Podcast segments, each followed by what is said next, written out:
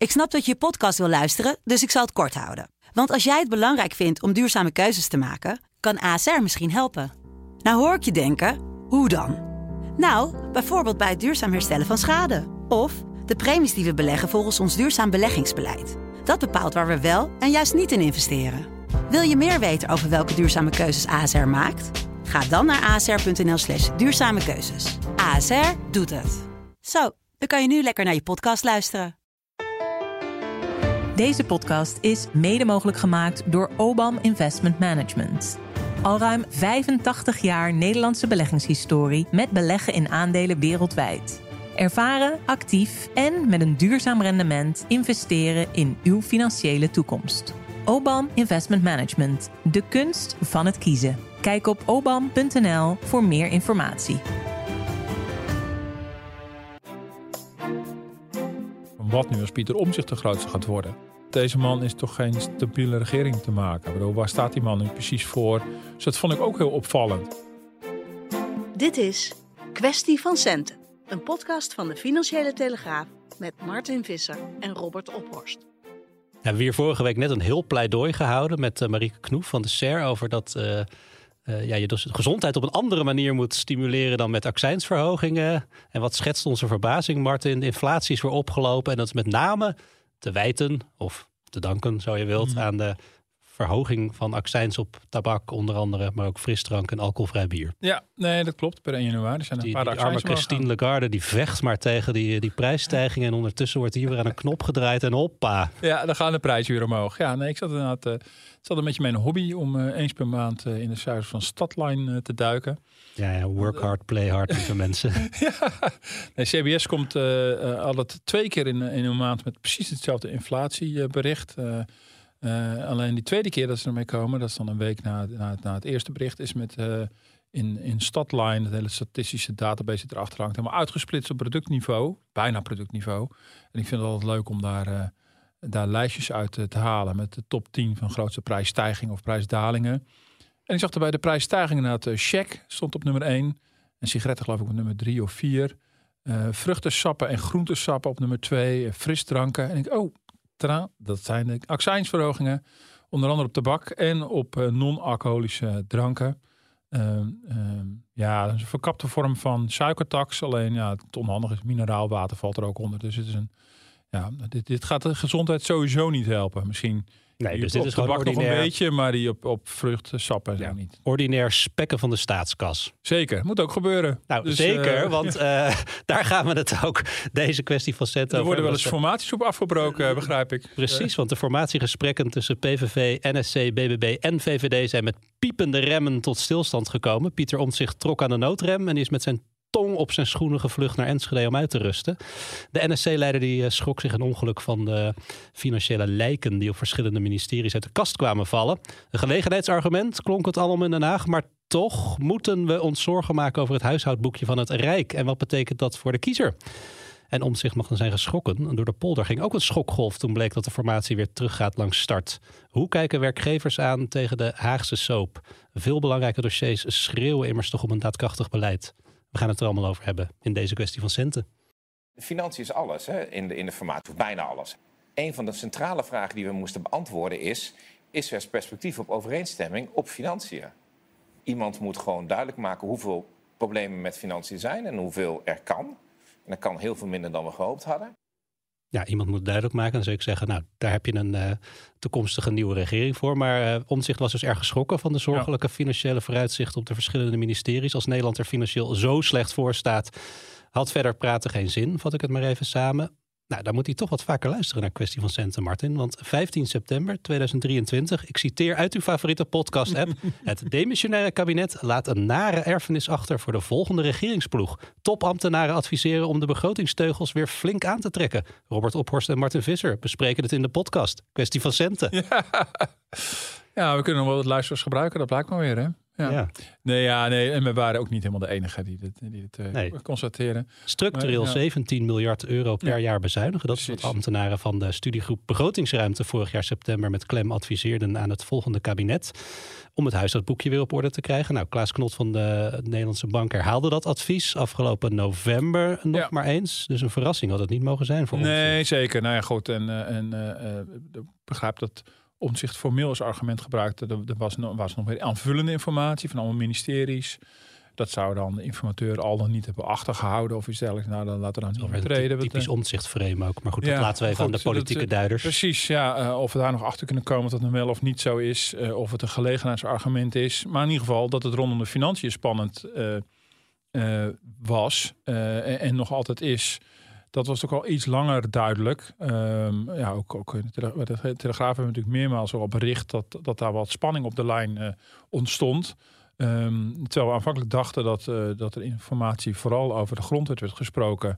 eh, stond ineens de komst van, van de topman van Financiën en, en, de, en de, de, voormannen van de Nederlandse Bank en Centraal Planbureau op het programma. Die zijn al langs geweest bij, bij de formatie. En, in, die, in die eerste fase, die dus niet alleen over rechtsstatelijkheid ging.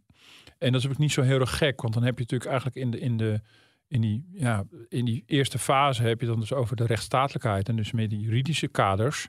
En daar zat ook heel veel wantrouwen. Maar het is ook niet onlogisch om het ook te hebben over de financiële kaders. En dan niet eens alleen de omvang van de eventuele financiële problemen, al dan niet bezuinigen. Maar ik kan me ook heel goed voorstellen dat ze het over de spelregels al hebben gehad. Want ja, van de vier partijen waren er drie die hun programma niet hebben laten doorrekenen. Waaronder de Partij van Omtzigt. Waaronder de Partij van Omtzigt. Ehm, bij Omtzigt wordt gezegd dat was ook een beetje om pragmatische reden. Want geen tijd genoeg om dat allemaal te laten doen. Maar in zijn boek is hij ook zeer kritisch op, op de modellenwerkelijkheid van CPB, zoals hij dat graag schetst. Dus is het wel zaak om, eh, waar normaal gesproken bij een formatie doorrekening van van de verkiezingsprogramma's een soort basis vormen in het, in, in, het, in het uitruilen, in het hele onderhandelingsspel. Ja, moet je nu die spelregels alweer opnieuw met elkaar afspreken. Nog even los van ja, welke bezuinigingsdoelstelling er eventueel op tafel, eh, op tafel ligt. En dat partijen daar niet zo snel zouden uitkomen, dat is dan niet helemaal verrassend. En dan komt daar nog eens een keer bij dat je natuurlijk met, met eh, VVD en NSC natuurlijk partijen hebt die aan de zuinige kant zitten, eh, begrotingsdiscipline belangrijk vinden. En de PVV en BBB partijen die meer in de gratis bierhoek zitten, om het een beetje populair te zeggen. Eh, ja, dan is het niet zo gek dat daar ook frictie zat. Ja, en of dat nou echt de reden is van het klappen, nou goed, dat, eh, dat weet ik allemaal niet. Maar ehm, eh, ja, dat, dat, dat het niet evident was dat die partijen daarover eens zouden worden, dat was natuurlijk wel duidelijk. Ja, nou een deel van die stukken is geheim ook. Dus daar, kunnen we, daar weten we niks van. Maar kan je even globaal schetsen hoe staat de BV Nederland er nou voor? Want dat bezuinigingsadvies van die 17 Ja. miljard euro, dat was wel ergens op gebaseerd. Waar- Zeker. Waar, zitten de problemen met name? Ja, kijk, nou wat waar, waar nu sprake van is eh, in de laatste dagen gaat dus over aanvullende informatie van verschillende ministeries. En dan zouden nieuwe tegenvallers uit, uitrollen. Nou, eh, toch, ik, ik, ik zie her en der dat dat allemaal reuze mee zou vallen. Dat is een beetje business as usual. Dat is ook hoe ministeries dat doen. Die geven dan nogal grote bedragen op. Dan, eh, dan, eh, dan voorkomen ze ook te veel bezuinigingen op hun departement. En dat gaat ook over dingen die mogelijk kunnen gebeuren onder invloed van Risico's, allerlei rampen precies, die staan er ook op. Maar ik, ik, de basis is inderdaad die 17 miljard. Waar komt die vandaan? Nou, je hebt de studiegroep Begrotingsruimte. Eh, dat is een club eh, topambtenaren. Centraal Planbureau en Nederlandse Bank eh, zitten daar ook bij. En die adviseren altijd voor een, voor een kabinetsformatie over de spelregels. Dus de begrotingsdiscipline en hoe dat allemaal gaat. Nou, dat is niet, niet onlogisch dat ze dat doen. Want onder de voorgaande twee kabinetten... eh, ja, is eigenlijk elke vorm van begrotingsdiscipline opzij gezet. Dat is halmnorm en dergelijke. Ook, ook eh, Raad van State heeft er een hele heftige noten over gekraakt. Dat, eh, dat de twee voor, voorgaande ministers van Financiën eigenlijk dat soort regels aan hun laars hebben gelapt. En het is een soepzootje geworden, om het heel populair te zeggen. Ehm, eh, en daar komt bij dat, dat eh, de- deze topambtenaren zeggen... nou, het is wel verstandig om in de loop van dit nieuwe kabinetsperiode... deze nieuwe kabinetsperiode... richting 2028 tot zo'n 17 miljard te bezuinigen. En dat is best wel lastig. Ehm, dat maakt het, en dat je dan niet meteen met elkaar uitkomt, dat begrijp ik heel goed. Want dat klinkt super urgent. Terwijl tegelijkertijd op dit moment het begrotingstekort eh, valt reuze mee. De staatsschuld is echt extreem laag. Waarom luid je dan toch de noodklok? Nou, dat heeft heel veel te maken met eh, allemaal beleid dat al in gang is gezet. Dus een soort financiële erfenis die, uh, die, die op stapel staat. Uh, allerlei, de afgelopen, het afgelopen kabinet was echt een kabinet van heel veel geld uitgeven. Die komen nog uit een periode dat geld ongeveer gratis was. De rente was 0%, dus lenen kostte niks. dan is het ook makkelijk. Het, dit, dit, dit, tweede kabinet van de VVD met, met ChristenUnie, D66 um, en CDA ja, ging wat moeilijk van start, om het heel eufemistisch te zeggen. En is er eigenlijk voor gekozen om alle politieke meningsverschillen af te kopen met geld. Niet meer alle problemen zijn op te lossen met zakken geld. Dat was ook een beetje de conclusie destijds van die studie. Precies, en dat is natuurlijk toen wel gedaan. En wat dus het risico is, is als je niks doet, en dat blijkt dus uit alle ramingen, dat het begrotingstekort in de komende jaren wel heel rap oploopt. Naar, uh, nou, in de studiegroep Begrotingsruimte, dat rapport van, van het najaar stond de verwachting is dat, uh, dat het tekort oploopt naar 3,6 procent in 2028. En dan is nou ja, 3, dat is ook nog niet heel alarmerend. Het is ook niet zo dat dan ogenblikkelijk de staatsschuld extreem is gestegen. Maar je, je, het is wel zo dat je alle buffers dan meteen hebt opgebruikt. Dus dan heb je nog niks nieuws gedaan. Dan heb je al het staande beleid gewoon uitgevoerd in de komende jaren. En dan kom je al ruim over die grens van 3% heen, en... richting 2028. En zij zeggen, Zorg nou dat je een beetje ruimte hebt, een beetje manoeuvreerruimte hebt. En ga omlaag naar een tekort van 2%. Uh, dan zit je veilig voor het geval er een crisis aankomt. En dan moet je bedenken dat dat eigenlijk voor Nederland al best wel ruimhartig is. Uh, want we hebben ook jaren gehad dat een Centraal Planbureau en Nederlandse Bank echt niet zeiden van een tekort van 2% is oké. Nee, we hebben heel lang gedacht een tekort van 0%. Dat is goed. Als het economisch goed gaat met een land, moet je begroting ongeveer in evenwicht zijn. Zodat je echt heel veel marge hebt om dan even flink in de rode cijfers te zakken als het slecht gaat. En dat hebben ze nu al verdisconteerd. Dus, ja, dus de financiële discipline is al wat losser geworden. Die is al stukken losser geworden. Nou, dat heeft ook alles te maken met het enorme debat dat na de eurocrisis op gang kwam over uh, op welk moment moet je bezuinigen en op welk moment moet je de overheid stimuleren. Dat heeft eigenlijk het denken wel enorm, enorm veranderd. Nou begrijp ik dat er tussen Nederlandse banken en Centraal Planbureau ook niet altijd helemaal dezelfde mening is uh, uh, over hoe stevig je moet zijn. Ehm, eh, en de Europese regels die laten natuurlijk wel toe dat je in, in crisisgevallen die, eh, die 3% gebruikt, richting die 3%. Maar eigenlijk is de gedachte ook nog steeds in Europa officieel dat je wel min of meer begrotingsevenwicht moet hebben. Een heel klein tekort in de periode dat het economisch heel erg goed gaat. Ehm, maar ook in Europa heeft die discussie na de eurocrisis ook een enorme impact gehad. Dus de facto wordt er helemaal niet meer naar gekeken. En dus 3% is al niet meer helemaal heilig. Ehm, maar toch is de gedachte van blijf nou ruim binnen die 3%. Dan heb je nog een beetje speelruimte. En als je dat dus zou willen doen, ja, dan moet je in de loop van, een, van die periode na 2028 toe die 17 miljard bezuinigen. Dus niet meteen met de bottenbel vandaag erin, maar pas in de loop van een aantal toch jaren. Het is wel goed om te weten als je met partijen om de onderhandelingstafel zit die het eigen risico willen afschaffen. Precies. Kost ongeveer 6,5 miljard per jaar ruwweg. Nou, dat zijn dus inderdaad voorbeelden. Je zit dus met een partij als de PVV aan tafel die eh, sociaal-economisch behoorlijk links is. Um, uh, en daar ook hele linkse wensen heeft. Begrotingsdiscipline allemaal niet zo nodig vindt. Uh, dus het liever, nou, BBB staat ook onbekend. Het liever allemaal vandaag opmaakt en morgen zien we wel. Uh, ja, dat is, dat, dat, en dat moet je dus bij elkaar zien te brengen. Ja. Dat is heel vrij on-Nederlands ook. Hè? Meestal zitten die partijen, blijven die in de flanken en toeteren ze lekker vanuit de formatie, vanuit de, vanuit de oppositie, zoals de SP dat altijd uh, gewend is. Die is er helemaal op, op, uh, op gebouwd, zeg maar, op het toeteren vanuit de marge. Um, maar nu zitten dit soort partijen natuurlijk ook gewoon in, in het hart van de, van de aanstaande macht. Uh, en daar moet je er wel, daar, daar moet je daar wel iets mee. En nog één notie die ik even wil noemen. De staatsschuld is echt heel erg laag.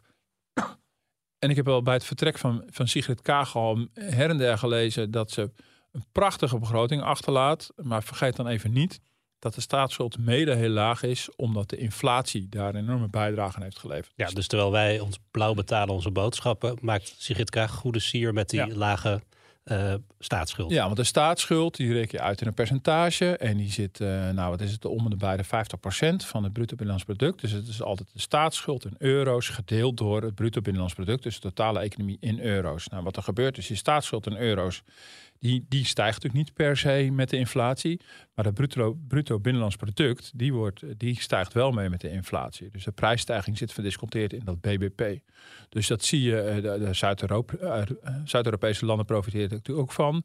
Dat de staatsschuldquote, zoals dat dan heet, dus het percentage schuld ten opzichte van de omvang van je economie, wordt kleiner naarmate je, je, de omvang van je economie groter wordt door inflatie. Maar daarmee neemt de staatsschuld natuurlijk verder niet af. Um, dus dat ziet er cosmetisch allemaal prachtig uit. Maar die inflatie loopt op een gegeven moment op een eind. En die staatsschuld gaat wel weer groeien naarmate de begrotingstekort stelselmatig jaar na jaar na jaar uh, te hoog is. En dat duurt het nog heel lang voordat onze staatsschuld uh, uh, echt gevaarlijk uit de hand loopt. Dat, dat scenario is er helemaal niet. Het gaat echt puur om ja, de, de, het saldo op de begroting. Zit daar ruimte voor het geval het economisch tegenzit. Ja. En er werd ook nog een mooi begrotingsoverschot gemeld van 3 miljard euro. Maar dat was ook vooral te danken aan het feit dat heel veel plannen niet uitgevoerd konden worden, omdat er gewoon simpelweg geen mensen voor zijn. Ja, dus dat was ook, en dat, is precies, dat werd ook gerefereerd in, in, die, uh, in die verhalen over de, de, prachtige erfenis van Sigrid Kaag. Maar je ziet in alle, alle staatjes en in meerjarige uh, overzichten dat het begrotingsoverschot een eenmalig dingetje is. Waarbij het afgelopen kabinet, zoals gezegd, dus alle problemen oploste met geld. Alleen ja, vaak zijn de mensen niet voorradig om het allemaal ook uitgegeven te krijgen. En dus zie je dat al die plannenmakerij lang niet altijd uitmonden in concrete daden. Dus blijft heel veel geld op de plank liggen. En daardoor doen die problemen zich in de toekomst al, financiële problemen zich in de toekomst wel voor en nu nog een beetje minder. Dus een beetje uitstel van executie. Um, en, daar heb je kunstmatig ook ineens een, een soort, soort overschot op de begroting, wat een beetje merkwaardig is. Maar dat, maar, maar dat maakt het al met al best wel lastig om hier een enorm gevoel van urgentie van te krijgen. En dan zou je ook kunnen zeggen, en dat mag als politiek, ja, ja, die 17 miljard van die topambtenaren, nou dat klopt misschien uh, rekenkundig allemaal wel. Maar wij vinden 10 ook oké. Okay. Dat kan. Als economen kunnen we er wat van vinden. Maar de politiek kan natuurlijk besluiten om te zeggen van nou 17 miljard is wel altijd driest. Um, uh, maar dan moet je wel met elkaar om te beginnen gewoon duidelijke spelregels afspreken van oké, okay, waar ga je dan wel op sturen? En hoe weet je dan uh, of de marge is in het geval toch economisch heel veel slechter gaat? Ja, nou ja, politiek moet het besluiten. Maar voorlopig wordt er niks besloten. Um, nee, nee daar, daar ziet het uh, naar uit dat dat, dat dat zo is. Ja, het is toch een beetje, nog een beetje mistig hoe het proces nu verder gaat. Het zal, het zal wel duidelijk worden als het verslag van de informateur er is en een Kamerdebat gaat volgen. Um, uh, want ja, deze fase is dan nu afgerond volgens uh, Omtzigt. Die heeft eens eentje besloten dat dit, dit deel van de fase nu voorbij is. Waarmee hij niet zei van ik doe niet meer mee. Maar gewoon, nou, wat mij betreft is het nu klaar. Voor nu is het klaar. Voor nu is het klaar met deze fase. Waar was misschien klaar mee. Dat, dat kan, kan, kan heel goed. En nu is het even afwachten uh, ja, of er al beginnetjes van overeenstemming waren of niet. Want dat hangt natuurlijk nu een beetje in de lucht. Dus uh, nou, de andere partijen bleven een beetje verbouwereerd ja. achter. En die moeten nu even de, even de staat opmaken van waar, stonden we ook weer mee. Ik, ik zat er nog te denken als zo'n ministerie dan een lijst opstelt met alle kosten die het mogelijk kan maken de komende jaren. Ja, als je dat zelf doet voor bijvoorbeeld als je een koophuis hebt. Ik ga denken, wat kan er de komende twintig jaar allemaal aan kosten ja. nog bijkomen? Nou, dan heb je een hele onderhoudslijst. Maar dat kan ook zo zijn van ja, straks moet die cv-ketel vervangen worden. Dan moet er eigenlijk een hybride warmtepomp uh, in. Nou, dat, dat, dat, en een, misschien wel een thuisbatterij op termijn. Dat past allemaal niet daar. Dus dat moet moeten we de badkamer doortrekken. Een nieuw badkamer erin. Ja, dan gaat het hard. Ja, dan, gaat het, ook dan gaat het heel hard. naar Enschede als ik die bedragen ja, zo, zie. Zo moet je die, die brieven van de ministeries een beetje zien. Nou, uh, dus, dus dat is deels ook een beetje een lobbydocument. Uh, waarin ze zich natuurlijk een beetje indekken voor toekomstige tegenvallers. En uh, het is, dat is in ieder geval het beeld dat ik nu, wat ik nu een beetje krijg. Maar de basis is natuurlijk dat daar dat natuurlijk uh, de, de topambtenaren sowieso met deze moeilijke boodschap waren gekomen in het najaar.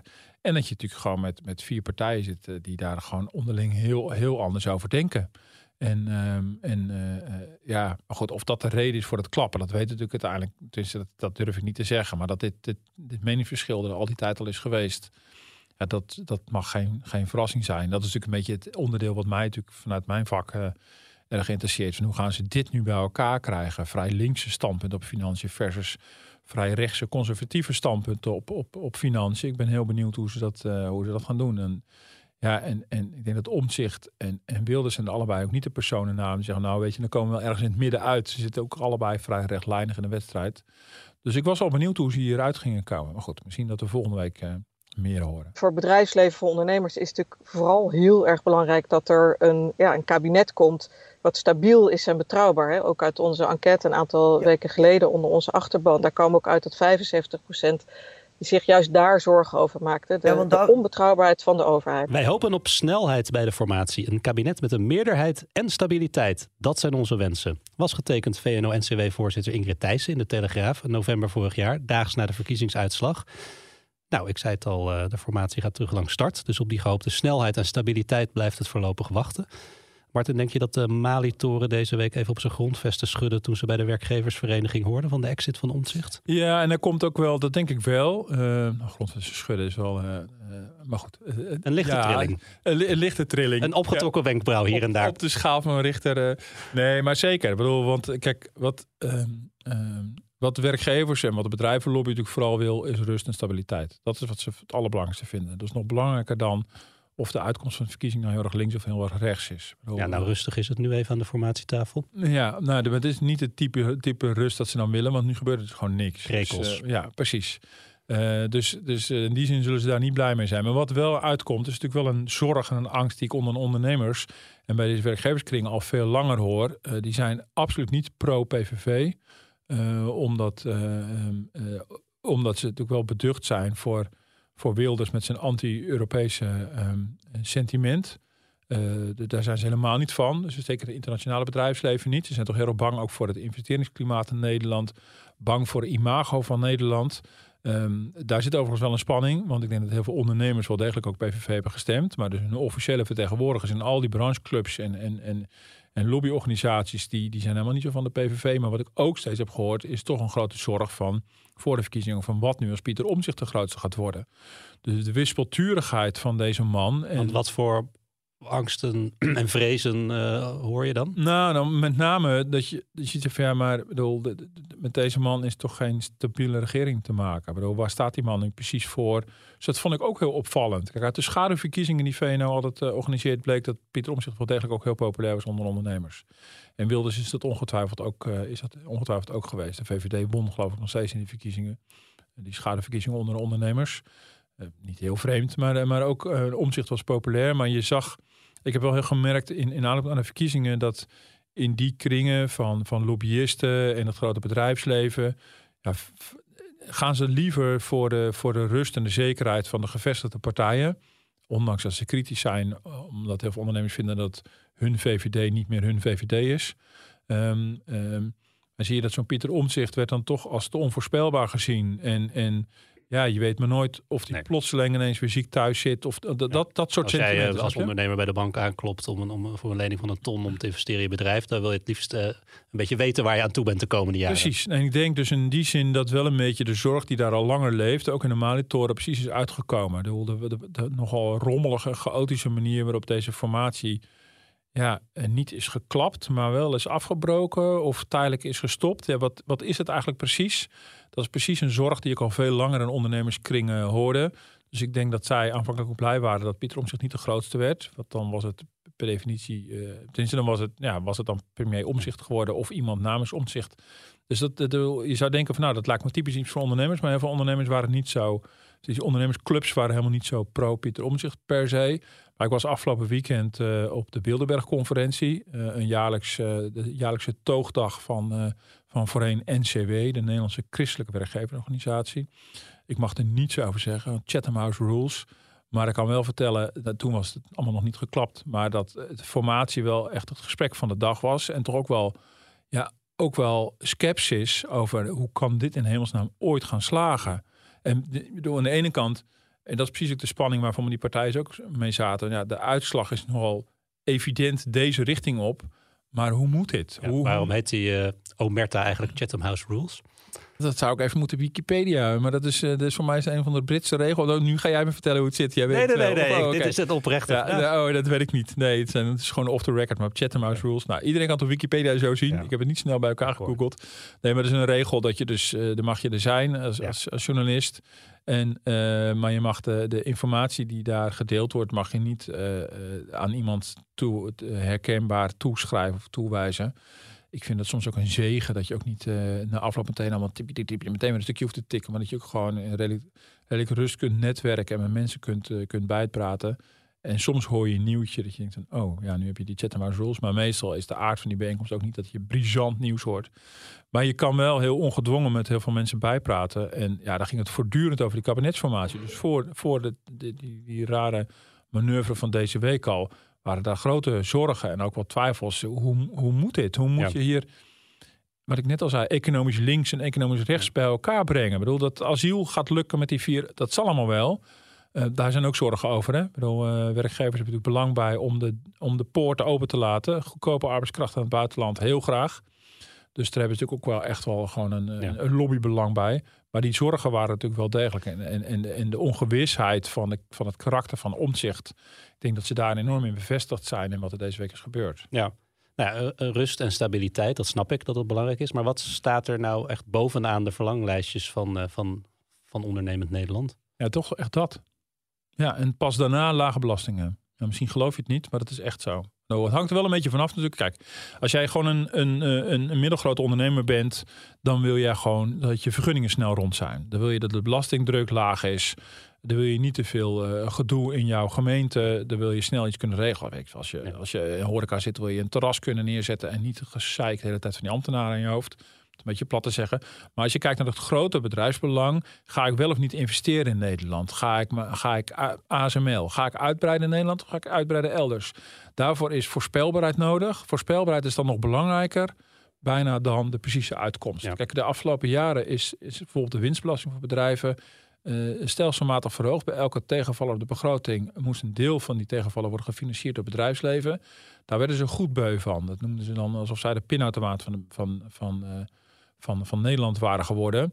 En het is denk ik ook zo dat ze echt daar de balen van hadden. En, ik denk dat hun klacht ook wel deels terecht is geweest. Maar uiteindelijk realiseerden zich ook dat Nederland qua belastingdruk voor bedrijven in de middenmoot zit. Dus dat het echt nog heel veel slechter kan. Maar vinden ze vooral de onbetrouwbaarheid en onvoorspelbaarheid van de overheid. Dat is ten diepste het probleem. Dus dat ze rust en stabiliteit willen, zeker als je investeringen wil plegen. Dat is echt het allerbelangrijkste. En iets wat Nederland nu niet kan bieden is rust en stabiliteit. Omdat het gewoon er zijn heel veel problemen tegelijkertijd. Nou, daar hebben we het ook vaak over in de podcast. Rondom woningmarkt, rondom stroomvoorziening, watervoorziening tegenwoordig zelfs. Ruimtelijke ordening, landbouw versus natuur. Nou, een hele scala aan, aan, aan problemen. En op al die onderwerpen nog geen begin van een oplossing, omdat de politiek heel erg met zichzelf bezig is, hevig verdeeld is, uh, liever twittert dan, dan zich verdiept in de inhoudelijk saaie materie om tot echte oplossing van problemen te komen. Uh, en, en dat zit natuurlijk, die, die, daar zit het bedrijfsleven natuurlijk wel heel erg dwars. Van ja, eh, zit er iets, uh, komt er een begin van een oplossing op een aantal grote problemen voor Nederland? Komt die vanuit, vanuit, vanuit het hevig verdeelde Den Haag? Ja. Regeldruk, is dat nog een thema? Want we hadden Zeker. Uh, onlangs een, een mooi verhaal van de collega Gabi Ouwerkerk over hoe ondernemers eigenlijk verstrikt raken in een oerwoud aan nou bijna Kafkaeske regels. Soms Jacco Vonhoff uh, hield hier ook nog een pleidooi in kwestie van centen voor uh, ja. verminderen van die regeldruk. Ja, nee, dat speelt zeker een rol. Natuurlijk, dus onder die rust en stabiliteit gaat het ook heel vaak over belastingen, inderdaad over regels. En dat kan gaan over de, de hoeveelheid regels of de regels waar je allemaal moet voldoen om een bepaalde vergunning te krijgen. Wat oeverloos uit het hele vergunningenstelsel is ook een doorn in het oog. Dus het heeft ook te maken met de bureaucratie van de overheid, de traagheid van de overheid. Dat het lang duurt om iets tot stand te kunnen brengen. We zien dat nu ook bij de boeren, hè? die klagen Zeker. over een regel die op regel wordt gestapeld en nog een regel erbovenop ja. en nog een. Nou, het interessante aan het verhaal was ook dat de klacht kwam in dit geval dus niet van de ondernemers zelf, maar vanuit de RVO. En dat is de, de, de Rijksdienst voor, on, voor ondernemers. Dus de, uh, die waarschuwden ervoor. Dat is, dat is de club die we hebben leren kennen omdat ze een van de coronasteunmaatregelen hebben uitgevoerd. Normaal gesproken houden ze gewoon vooral bezig met, uh, met uh, meedenken met, met ondernemers. Het is een rijksdienst met, met innovatie en investeringen. In dit geval is het toch ook wel echt een zorg bij dit soort uitvoeringsorganisaties dat er zoveel regels zijn en zoveel bureaucratie dat die organisaties het zelf ook niet meer verstouwen kunnen. En ze zien gewoon dat de ondernemers daar enorm enorm worstelen. En dat kan dus regels zijn op, op allerlei vlak. Wat ik noemde net al heel lokaal. Dat kan een horeca zijn. Uh, die zit te bakkeleien over, over de omvang van zijn terras. Uh, uh, of heel, heel erg groot allerlei regeldruk of vergunningen rondom nieuwe investeringen. Ook, waar we nu ook al een aantal weken veelvuldig over schrijven. Alle problemen op het stroomnet. Zogezegd de congestie op het elektriciteitsnetwerk dat gewoon ondernemers eh, dan zelf maar oplossingen gaan verzinnen omdat ze geen nieuwe aansluiting krijgen. En dan wordt die op, oplossing weer geblokkeerd door, uh, door Tenet. Nou, dus, dus daar worden ze natuurlijk knetter, knetter gek van. Uh, en het zijn inmiddels, dat is natuurlijk wel opvallend, en dat kwam ook wel terug in die Bilderberg. Het type problemen in Nederland is, ik denk niet alleen in Nederland, maar in ieder geval in Nederland zien we dat ik het van, van nabij is steeds complexer geworden en steeds meer onderling van elkaar afhankelijk geworden. Misschien is het ook wel typisch Nederlands, omdat Nederland natuurlijk echt een relatief grote economie is voor een klein landoppervlak met heel veel inwoners. Dus het is heel vol en dicht bevolkt hier. Dus, dus ja, dan raakt het stikstofprobleem van de boeren raakt rechtstreeks ook onze woning, uh, woningtekorten. Net zo goed als de asielproblematiek natuurlijk ook een verbinding heeft met, met woningen. En onze stroomnet hebben een verbinding met woningen. Dus in die zin zijn er natuurlijk heel veel dwarsverbanden. Waardoor het ook steeds moeilijker wordt om, uh, om in die kluwen tot één oplossing te komen. Je kan het dus niet meer verkokerd bekijken. Dus dat is echt heel ja. ingewikkeld geworden. En daardoor kost het ook heel veel tijd om, uh, om echt iets uh, opgelost te ja. krijgen. Klinkt alsof er een behoorlijke donkere donderwolk hing boven die Bilderberg-conferentie. Werd er ook nog een beetje gezellig geborreld? Tuurlijk, tuurlijk. Jan-Peter Balk en dan was er. Dus dan komt het altijd goed, hè? Dus... Ja, nee, ik ben om uh, de vrijdagavond om kwart over twaalf, vond ik het wel weer welletjes. Dan, ik weet niet hoeveel 0.0 je toen al op had. Maar uh, ja, toen, toen liep ik wel heel erg achter bij de rest van het gezelschap. Dus toen dacht ik van, voor mij is het een mooi geweest. Je mag geen namen noemen, maar... Ik mag geen namen noemen, dus uh, nee... Nee, maar dat is, nee, dat is ook traditioneel. Ja, het wordt, en het wordt meestal meer alcohol erin zit, hoe uh, uh, makkelijker de oplossingen dan worden? Of, of, Nou, op een gegeven moment veranderen ook de onderwerpen. Dus nee, ik heb ook wel eens een keer uh, mag ik dat wel zeggen? Nou, vast wel. Ik heb een keer uh, tot, uh, tot één uur s'nachts met Martin van Rooyen, de, de senator. Die, die blijft wel altijd gewoon over pensioenen praten. Gewoon tot er neervalt. Ja, is gewoon consequent. Ja, ja is gewoon consequent. En toen was het één uur. En toen was ik ook... Ja, oh ja was, ik, was mijn eerste jaar dat ik gestopt was. En was ik ook broodje nuchter. En ik van... Waarom sta ik hier vrijdagavond één uur s'nachts met Martin van Rooyen nog een paar andere mensen over pensioenstelsel te praten? Wie is hier nu gek? Ik in ieder geval, dus ik ga naar bed. Maar, uh, maar doorgaans is het natuurlijk zo, dan wordt het ook gezellig. En er is een diner en daarna een borrel. En ja, het is niet zo dat je, dat je tot, tot diep in de nacht uh, nieuwtjes zit op te halen. En, uh, nee, en elkaar de put in zitten praten. Nee, nee dat, dat, valt, dat valt ook, uh, valt, nou ja, valt ook weer mee. Nee, weet je, en ondernemers, bedoel, die liepen natuurlijk ook rond. Ondernemers zijn van nature natuurlijk optimisten. Dat, dat wou ik net zeggen. Dat, dat was ook nog prettig iets wat Vonhoff ja, nog in herinnering riep. Precies, dat is natuurlijk het prettige aan, aan dat, dat menstype, zeg maar. Uh, maar er lopen vrij veel uh, belangenbehartigers rond van brancheorganisaties. En dat zijn meestal niet echt ondernemers. Maar dat zijn de talking heads van die ondernemers. En die zitten weer wat anders in de wedstrijd. Maar het is niet zo dat we daar hebben zitten somberen tot, tot, tot, tot diep in de nacht. En het ging ook niet alleen maar hier over die kabinetsformatie. Maar in de wandelingen ging het daar natuurlijk wel heel veel over. Nou, laten we dat optimisme nog even doortrekken en vasthouden. Want een, op een aantal dingen ligt het dus even stil. Nu uh, ja. Aan zijn verslag schrijft en er even niet zo heel veel gebeurt. Er zijn natuurlijk ook een hele hoop onderwerpen controversieel verklaard door het maar een hele hoop ook niet.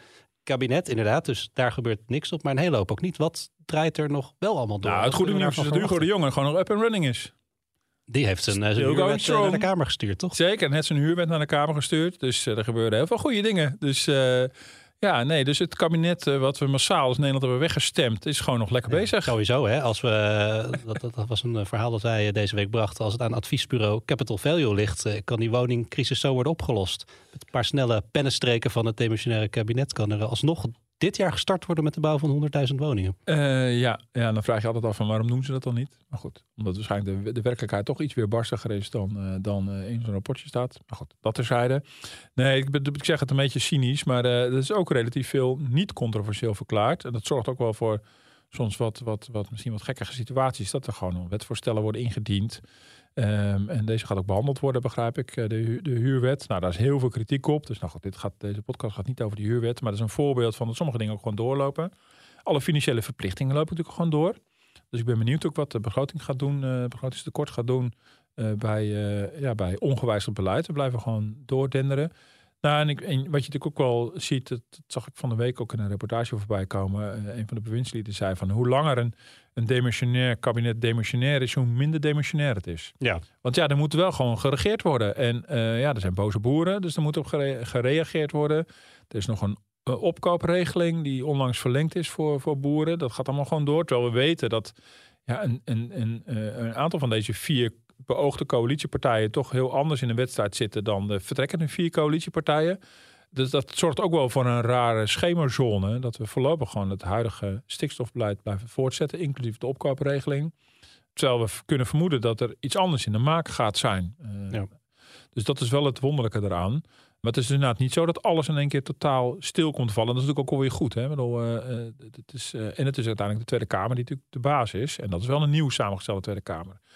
Dus er is natuurlijk bij, de, bij, de, bij het val van het kabinet uh, wordt natuurlijk bekeken wat er allemaal controversieel uh, wordt verklaard. Uh, en er is nu een, een, nieuwe Tweede Kamer is eraan zet. En daarin heeft deze beoogde coalitie heeft natuurlijk ook een meerderheid. En die kan al dan niet al nieuwe ideeën doorduwen. Maar die botst natuurlijk wel weer aan tegen een, een oud kabinet. Bijvoorbeeld op het gebied van pensioenen ehm, was al duidelijk dat, ehm, ehm, dat deze, deze nieuwe coalitie dingen anders wilde. Nou, NSC heeft dat initiatief genomen, met partij Pieter Omzicht, om een pensioenstelsel wat echt net was afgerond in wetgeving, om daar dan veranderingen in aan te brengen. Uh, uh, PVV en BBB willen, willen eigenlijk helemaal dat nieuwe pensioenstelsel niet. Maar dan is er een demissionair minister Schouten die dan zegt, maar ik ga het sowieso niet uitvoeren. Bedoel, uh, no way dat ik nu alweer ga sluiten aan mijn eigen net verdedigde wetsvoorstel. Dus het is natuurlijk een beetje gek, een nieuwe Tweede Kamer die de botst dan met een, met een, met een oud kabinet. Um, dus ja, hoe dat, precies dan, hoe dat precies dan uitpakt op alle verschillende onderwerpen. Dat kan dan ook gewoon, hè? Dat zo'n demissionair minister zegt, ik doe het niet.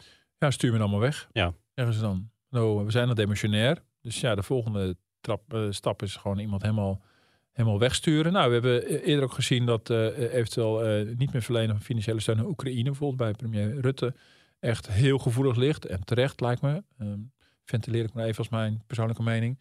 Um, en hij heeft ook maar gezegd, nou, dan moet je me echt gewoon helemaal wegsturen. Stuur me dan maar weg. Maar ja, dat is, dat is ook een spannende natuurlijk. Daar zit een PVV ook heel anders in de wedstrijd. Um, maar goed, dit zijn een beetje de opvallende dingen waar het af en toe nog knettert. Maar je ziet dus dat er ook gewoon nog dingen lopen. Nou, minister Karin van Gennep, Sociale Zaken, heeft nog allerlei dingen lopen rondom de arbeidsmarkt. De nieuwe aanpak van ZZP'ers en dergelijke. Is ook veel kritiek op. Dus het is allemaal de vraag of het ergens toe leidt. Maar die raderen draaien dus nog wel steeds. Dus ja. dat is wel dat is ook wonderlijk. Dus je voelt ook tegelijkertijd aan zo'n situatie moet ook weer niet ja. te lang duren. Is dat iets, die regeling voor ZZP'ers, waar ze op zo'n Bilderberg-conferentie wel naar uitkijken? Zijn ze daarvoor? Um, nou, van mij verwachten ze niet zoveel van. Er is er, heel, er is er vrij weinig over gegaan. Okay. Het enige, wat, uh, er liepen ook wat mensen uit uitzendwezen rond. En die hadden we toevallig ook de dagen daarvoor in de krant gehad, waar die zich zorgen over maken is het feit dat uh, allerlei, dus de uitzendsector is al wel een beetje ingeperkt en aan banden gelegd allerlei andere vormen van, van flexibel werk, zoals tijdelijke contracten en ZZP'ers, dat wacht allemaal nog. Dus zij vinden dat een beetje oneerlijk. En de afgelopen weken heeft het natuurlijk geregend met allerlei lobbyverhalen en wensen. En weet ik wat allemaal. Richting die formatietafel. Ja, dat krijg je natuurlijk allemaal op zo'n beeldenberg natuurlijk nog wel een keer ja, nee, voorgeschoteld. Het zijn, uh, zijn, gouden tijden voor de lobbyisten. Ja, kijk, de lobbyisten die, die, die, die, kunnen hun lol natuurlijk nu uh, niet op. Nou, misschien is dat ook een reden om deze periode niet al te lang te laten duren. Dat is allemaal knap vermoeiend natuurlijk. Maar uh, nee, zeker voor lobbyisten is, is die, die aanhoudende politieke onzekerheid natuurlijk ook alweer weer heel spannend en, en interessant en mogelijk lucratief. Maar goed, voor echt goed nieuw beleid is het natuurlijk niet al te best. Ja, de bel van de rondvraag, de afsluitende rubriek. Ik heb een uh, nieuw hoofdstuk in mijn leven als protestspaarder. Oh. Ik had uh, verteld uh, dat ik uit protest tegen die laag, lage spaarrente mijn geld had overgemaakt naar zo'n platform. Dat dan voor je kan regelen dat je je spaargeld op een buitenlandse rekening zet. Nou, deze donderdag dat we dit opnemen maakt de Rabobank nog bekend dat ze een mooie 4,4 miljard winst konden bijschrijven bijna verdubbeling ten opzichte van een jaar eerder. En dat was ja. ook uh, voor een groot deel te danken aan de, aan de spaarrente die, die nog steeds laag blijft. dus je protestsparen heeft nog niet echt geholpen, zeg maar. Nee, maar ik had wel dus deze week, want ik had het dus op dat platform gezet. En toen was ik toch een beetje, was het gaan versloffen. Ik vond het toch een beetje spannend allemaal. Dus afgelopen week heb ik toch de stap gezet. Dus ik had een Italiaanse bank uitgezocht waar je tegen een mooi rentepercentage je geld een jaar kan vastzetten mijn hand ging naar die knop en toen begon ik toch te twijfelen. Toen dacht ik, ja, waar ben ik nou eigenlijk mee bezig? Ik ga mijn geld overboeken naar zo'n beetje het meest, uh, het land in Europa met de meest penibele financiële situatie. Alleen maar voor een paar honderd euro rente, want daar hebben we het in mijn geval over. Waar ben ik mee bezig? Maar toen dacht ik, nee, dit is precies die emotie waar die grootbanken mee, mee willen houden. Ik zet door. Dus nu staat het de komende twaalf maanden in Italië. Mm. Uh, in Italië? In Italië, ja. Bij een bank met een discutabele uh, betrouwbaarheid. Mm. Dus er is een uh, Europees uh, depositogarantiestelsel. Maar toch, komende twaalf maanden mm. ben ik toch een beetje bevreesd. Kijk ik naar alle geopolitieke ontwikkelingen eh, met mijn spaarcentjes in het mm. achterhoofd. Ik weet, mm. het is een hele egocentrische blik uh, ja. om te kijken naar de, naar de wereldpolitiek. Ik zal ja, dus na mijn dood verantwoording moeten afleggen. Ja. Maar als Poetin straks besluit een NAVO-land aan te vallen... of Meloni doet iets geks in Italië... dan ben ik toch, uh, zit ik toch peentjes te zweten. Je bent echt een thrill seeker. Sommige mensen doen een parachute springen bungee jumpen en andere mensen die en andere sparen in Italië. ja. Nou, ik zou het wel weten. Ja, ik heb, ehm, ehm, eh, even kijken. Eh, ja, ik heb een leuk interview gehad met uh, Johan Nijenhuis. Leuk om te delen. De regisseur. De, de filmregisseur. zaterdag in, in, in Vrij, onze zaterdags magazine. En nou, ik heb de, Waarom was het leuk? Nou ja, ik, ik vind het interessant. hij heeft net zijn twintigste film uitgebracht. ik wou zeggen, hij is heel productief. Hij hè? is onwaarschijnlijk productief. In 2001 begonnen met Costa. Daarvoor vooral soaps gedaan. Maar in 2001 begon met Costa. En we zijn nu 23 jaar verder. Heeft hij zijn twintigste speelfilm al uitgebracht. Uh, Verliefd op Bali. Um, ik ben niet helemaal de doelgroep. Uh, al ben ik wel gek op romcoms. Maar uh, hij maakt alleen maar romcoms. echt wel voor jonge mensen. Twee weken is die film nu uit. En ik had nog even contact met hem voor het cv'tje wat er ook bij moet. En ik zei, hoeveel gouden films had je ook alweer? Wat er nou 16, 17? En zei nee, uh, 18. Ik krijg vrijdagmiddag krijg ik mijn 18 een gouden film uitgereikt voor Verliefd op Bali. En een gouden film krijg je als er 100.000 bezoekers zijn. Ja. Ja, dus, uh, uh, dus van de 20 films zijn er 18 goud en uh, vijf ook nog eens een keer platina. Heel knap. Dat is echt dus, en dan zit je boven de 400.000 kijkers. En het interessante is natuurlijk dat die man verder natuurlijk alleen maar echt heel slechte recensies krijgt. Dat is een hele interessante spanning. Daar ging het dus onder andere ook over. Maar hij is er helemaal niet zo... Ja, hij heeft er ook wel begrip voor dat de filmpers zo is. En um, nou goed, zijn laatste film, Verliefd op Bali, kreeg in de Volkskrant drie sterren. Die was nog redelijk positief. En toen in de Telegraaf zat ik te kijken. 2,5 sterren. Oh, ja, want we hebben een uh, collega die zei altijd heel terecht... als een film in de Volkskrant één ster krijgt... dan weet je dat het een goede film is. Ja, nee, maar het grappige is dus inderdaad ook... dat vond ik wel, uh, wel, wel, wel, wel, geinig... dat hij, hij, ja, hij heeft een beetje moeite met, met de, de, linkse kranten... die alles zijn films afvakkelen. Ik zei, nou, ik heb even gekeken... maar voor mij zijn wij zelf niet heel veel scheutiger. En dan zijn, nou, dat klopt. Dus uh, uh, nee, maar ik vind het interessant. Iemand die gewoon ijzerheinig, ondanks dat de critici uh, heel kritisch op hem zijn. Dus de, de, de, de filmpers, de recensenten, die hebben zoiets nou, we, we kijken liever de, de, de, de, weet ik wat, een van de arthouse film uit China. Ja. Dan, dan weer, uh, zoals de romcom van, van Johan Nijenhuis, trekt hij gewoon echt in twee weken tijd die uh, weer volle zalen. En dat vind ik wel een interessante spanning. En de man is heel relaxed daaronder. Dus is, nou, dit is gewoon mijn vak, dit doe ik gewoon. En, en als een film niet goed bezocht wordt, dan ligt het niet aan het weer, dan ligt het niet aan de recensies, dan ligt het aan mij. Die twee films, ik kan ze niet reproduceren welke twee, die niet goud werden, die ziet hij dus ook om die reden als uh, niet geslaagd. Dat was zijn, dat was zijn fout. En dat vind ik een hele, een hele prettige uh, manier waarop hij dan uh, gewoon heel zelfkritisch erover is. Maar ja, als je het ook gewoon 18 van de 20 keer gewoon raak schiet, dan, dan kan je blijkbaar toch wel iets. Mooi. Dit weekend te lezen? Dit weekend te lezen, ja. Mooi. Martin, dank je voor nu en ik zeg eh, tot de volgende. Tot volgende week.